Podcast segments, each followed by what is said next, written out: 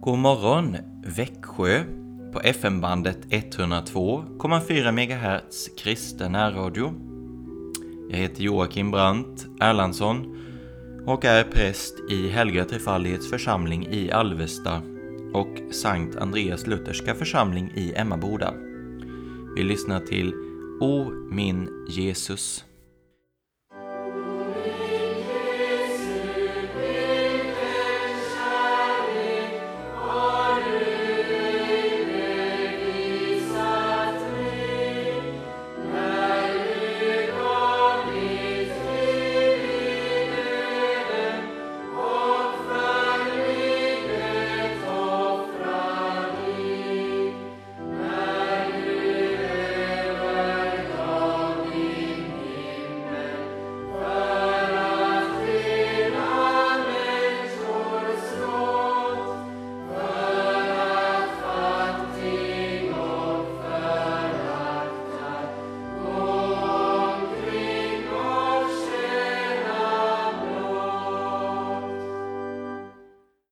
Vi inleder denna morgonandakt med att läsa dagens bibelord ur boken De maktlösas styrka. En fråga att ställa.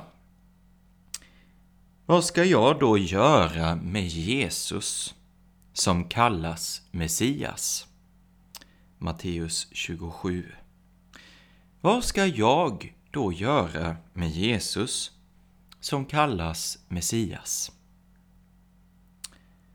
Apostlärningarna 16 svarar Tro på Herren Jesus så blir du med ditt hus frälst. Tro på Herren Jesus så blir du med ditt hus frälst så vill jag läsa en sång av Nils Frykman. Vem som helst kan bli frälst, blott till Gud han vänder. Detta bud sänder Gud ut i alla länder. Ja, vem som helst kan bli frälst. Det är det bud som Gud sänder ut i alla länder. Här är rum, många rum. Dukade står borden. För var själ, märk det väl, upp på hela jorden. Ja, borden står dukade för varje själ. Se Guds lamm går här fram för att liv oss giva. Arma barn, Syndens garn vill han sönderriva. Guds lamm ger oss liv. Han river sönder syndens garn. Se Guds lamm, uppmanar oss den här sången. Se Guds lamm går här fram för att liv oss giva. Arma barn, syndens garn vill han sönder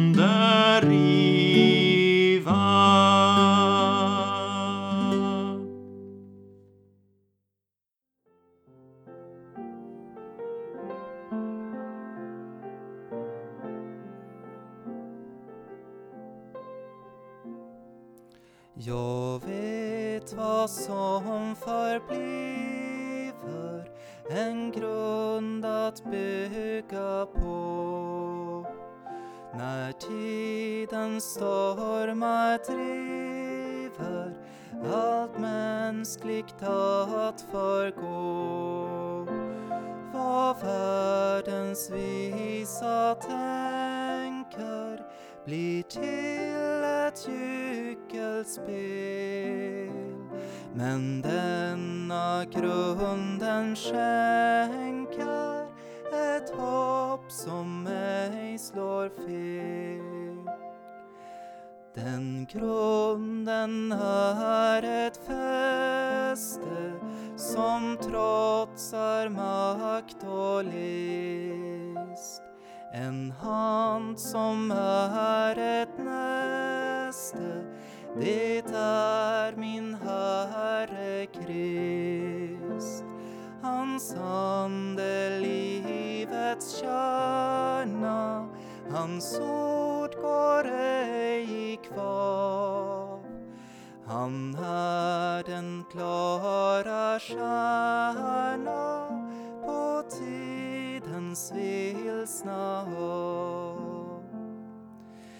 Han blev i synden slagen och har i döden gått men har på segerdagen till härlighet uppstått. I nåd är jag nu skonad på den fasta grund och all min synd försonad i heligt nytt förbund. Jag vet vad som förbliver en grund att bygga på. När tidens stormar driver allt mänskligt att förgå. Och sist i dödsminuten min grund ej rövas bort. När tidens gräns är bruten och öppnad himlens port. Denna morgon ska vi lyssna till Rosenius husandakt, två stycken. Det första stycket är om ett ord i Johannes evangeliets 16 kapitel. Och när han, Hjälparen, kommer ska han överbevisa världen om rättfärdighet. Jag går till Fadern. Vad betyder detta? Om rättfärdighet, jag går till Fadern. Anden ska överbevisa världen om rättfärdighet. Och förklaringen är denna. Jag går till Fadern. Detta är hemlighetsfullt och svårt att förstå. Därför ska vi fatta Herrens mening på rätt sätt. Även om jag tidigare har sett dessa ord förklarade och i någon mån förstått dem, ligger det ändå ett djup av dolda hemligheter i dessa Jesu ord. Jag vill se Kristi ansikte då han talar dem och höra dem ur hans egen mun. Om rättfärdighet. Jag går till Fadern. Vad betyder det? Ja, hur underlig verkar inte förklaringen jag går till Fadern. Och ändå ligger i detta tillägg nyckeln till dessa ord. Att Kristus går till Fadern är detsamma som att han går till sin försoningsdöd. Kristus talar nämligen dessa ord just innan han går till sitt lidande. Just i den stund då han tar avsked av sina lärjungar, den sista aftonen före sitt försoningslidande. Om du tänker på detta kan du förstå vad de orden betyder. Jag går till Fadern. Jag går nu för att fullgöra det uppdrag som var anledningen till att jag kom till världen. Jag går för att utgjuta mitt blod för världens synder. Mitt blod blir utgjutet till syndernas förlåtelse, säger han samma afton som han instiftar nattvarden. Kristus vill alltså säga oss, jag går nu med mitt blod som den sanne översteprästen in i det allra heligaste som inte är gjort med människohänder. Jag går nu in i själva himlen för att försona alla människor med Gud, för att vinna en evig förlossning från synden och förbannelsen och för att förvärva en evig rättfärdighet åt alla människor. Ja, jag går för att evigt träda fram inför Guds ansikte för er skull. Kort sagt, jag går för att fullborda allt som var lovat från världens början. Att krossa ormens huvud, att gottgöra syndafallet, att återställa den förlorade arvsrätten och barnarätten. Här kan vi se sambandet mellan dessa två påståenden. Överbevisa världen om rättfärdighet, jag går till Fadern. Dessa Jesu ord innehåller hela skriftens huvudbudskap. Är det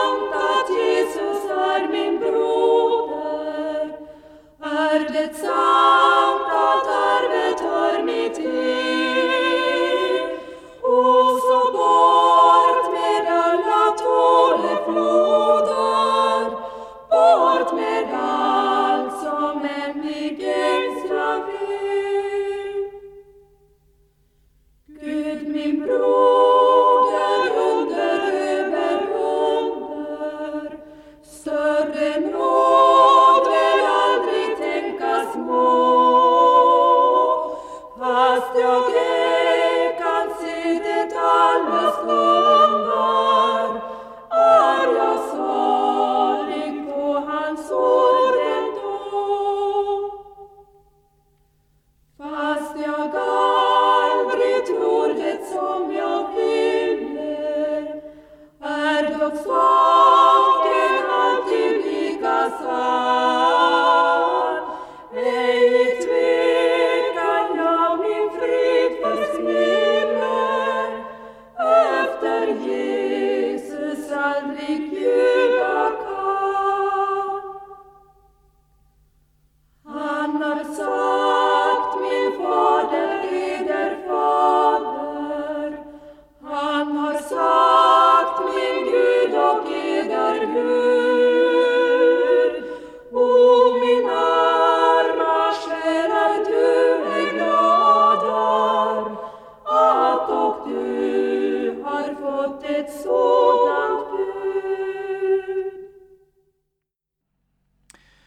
Redan i Gamla Testamentet säger Jesaja All vår skuld la Herren på honom.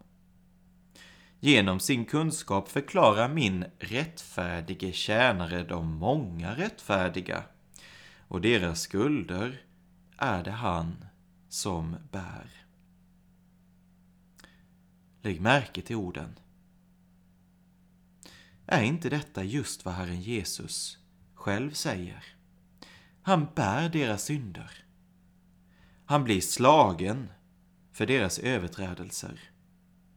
Därför ska han göra många rättfärdiga.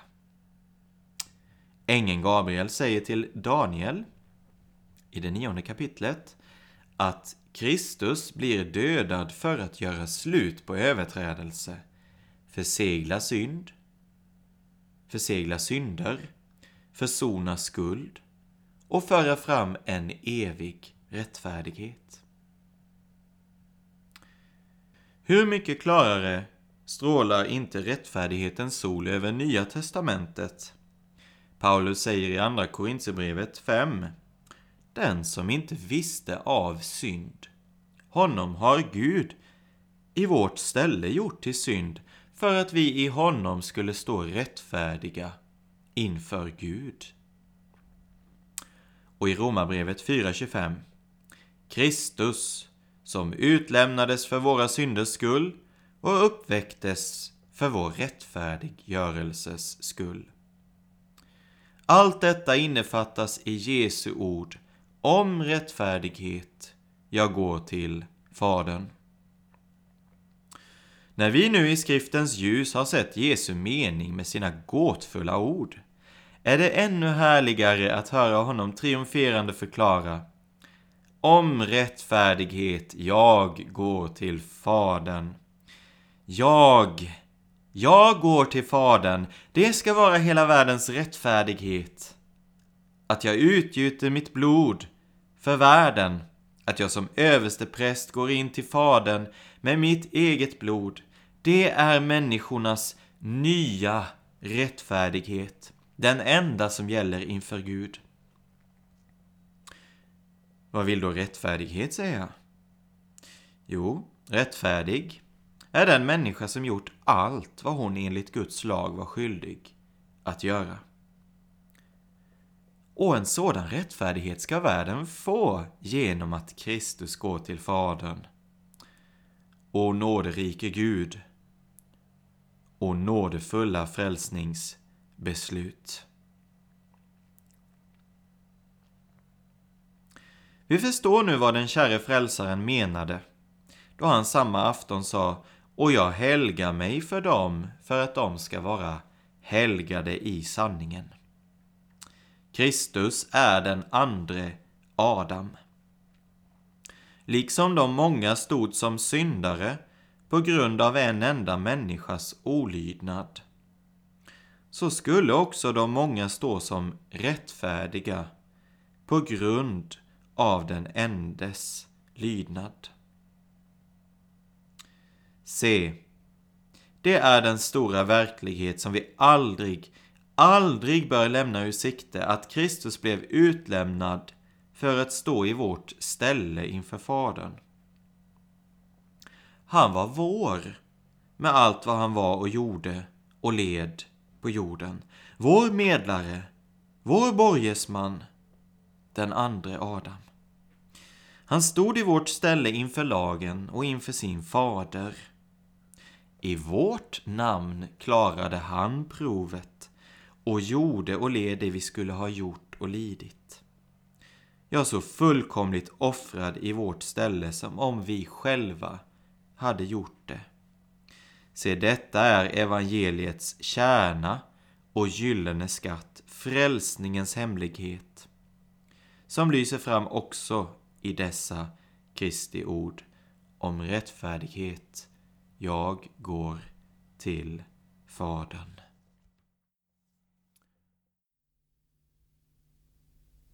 Du Herrens vän som mången gång får gråta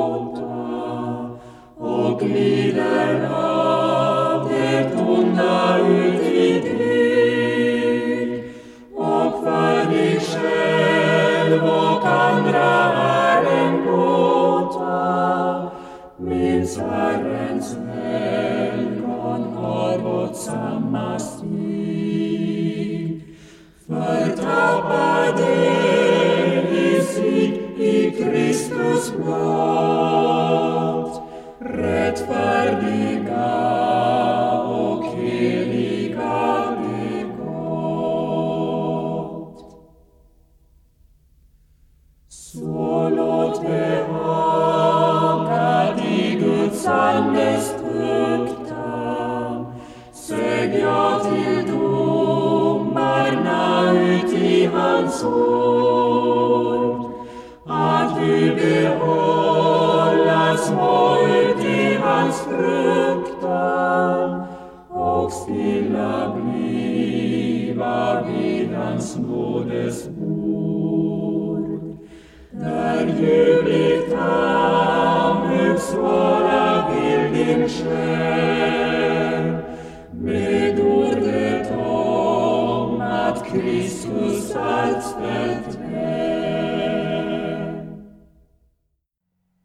läser ytterligare en husandakt över ett ord i Romarbrevet 12.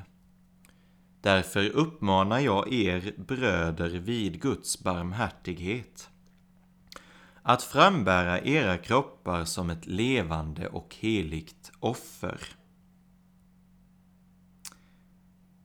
Tusentals kristna har i bokstavlig mening offrat sina kroppar som martyrer för Kristi skull. De har bränts på bål, torterats och dödats.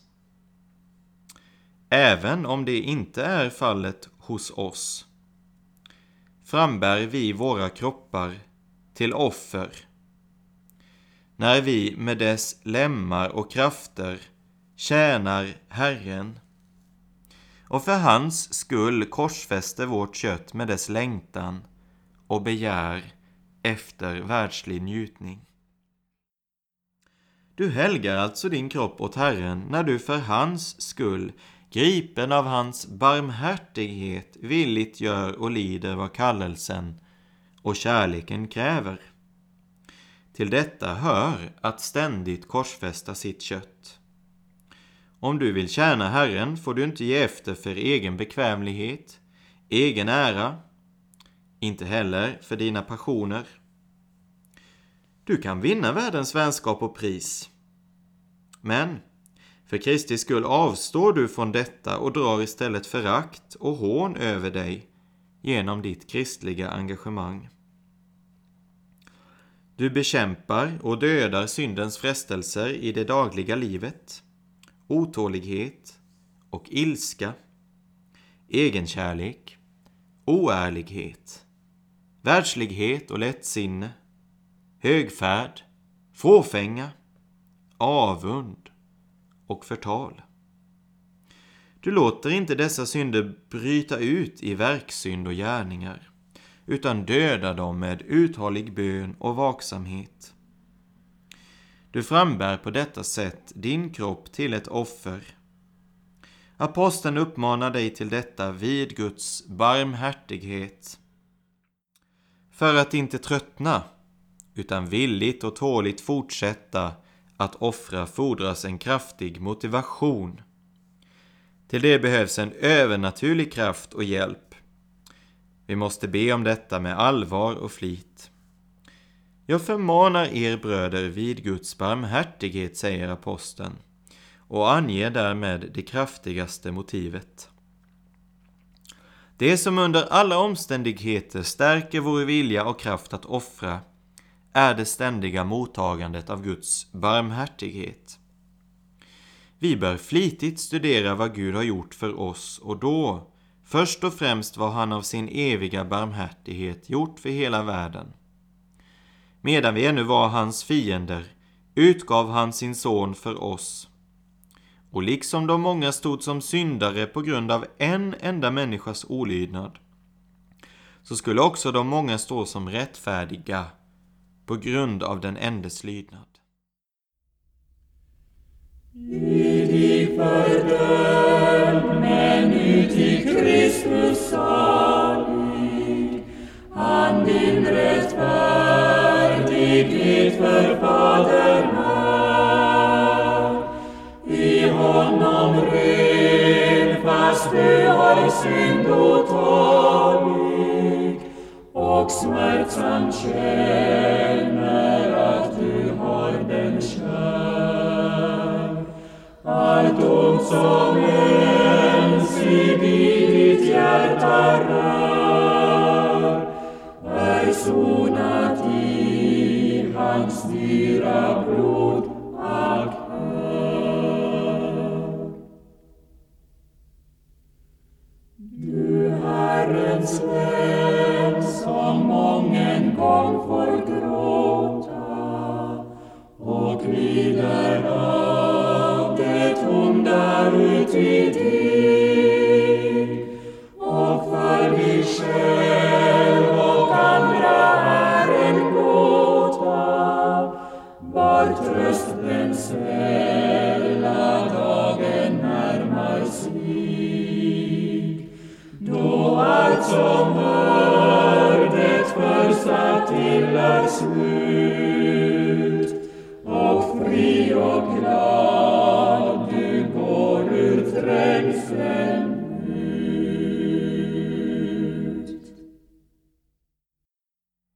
läser ur andaktsboken Ett är nödvändigt av Hans-Erik Nissen.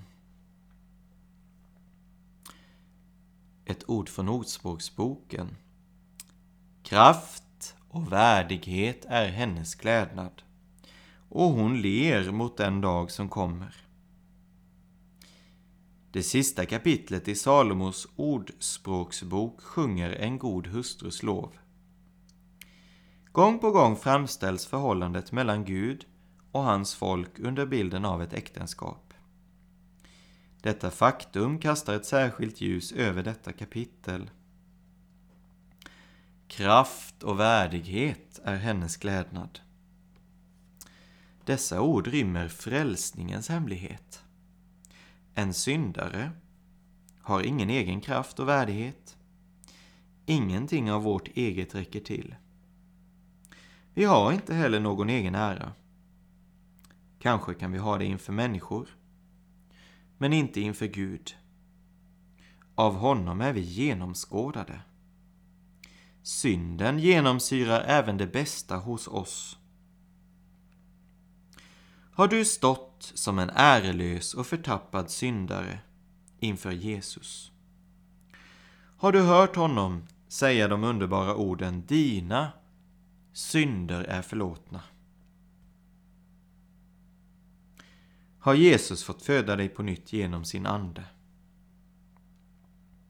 Då har Jesus tagit ifrån dig dina smutsiga kläder. Istället har han klätt dig i kraft och värdighet. Kraften kommer inte från dig själv. Det gör inte heller värdigheten. Utan det är sin egen kraft och värdighet som Jesus har klätt dig i. Detta är rättfärdiggörelsens hemlighet. Du får en annans klädnad och kan därigenom bestå inför Gud. När du flyr till Jesus i dina trasiga kläder skänker han dig hela sin rikedom. Vad saknar du då? Du saknar ingenting. Du har överflöd. Hur liten du än är i egna ögon står du ändå utan minsta fläck inför Guds ögon. Därför kan du gå morgondagen till mötes med ett leende. Du vet inte vad den kommer att föra med sig.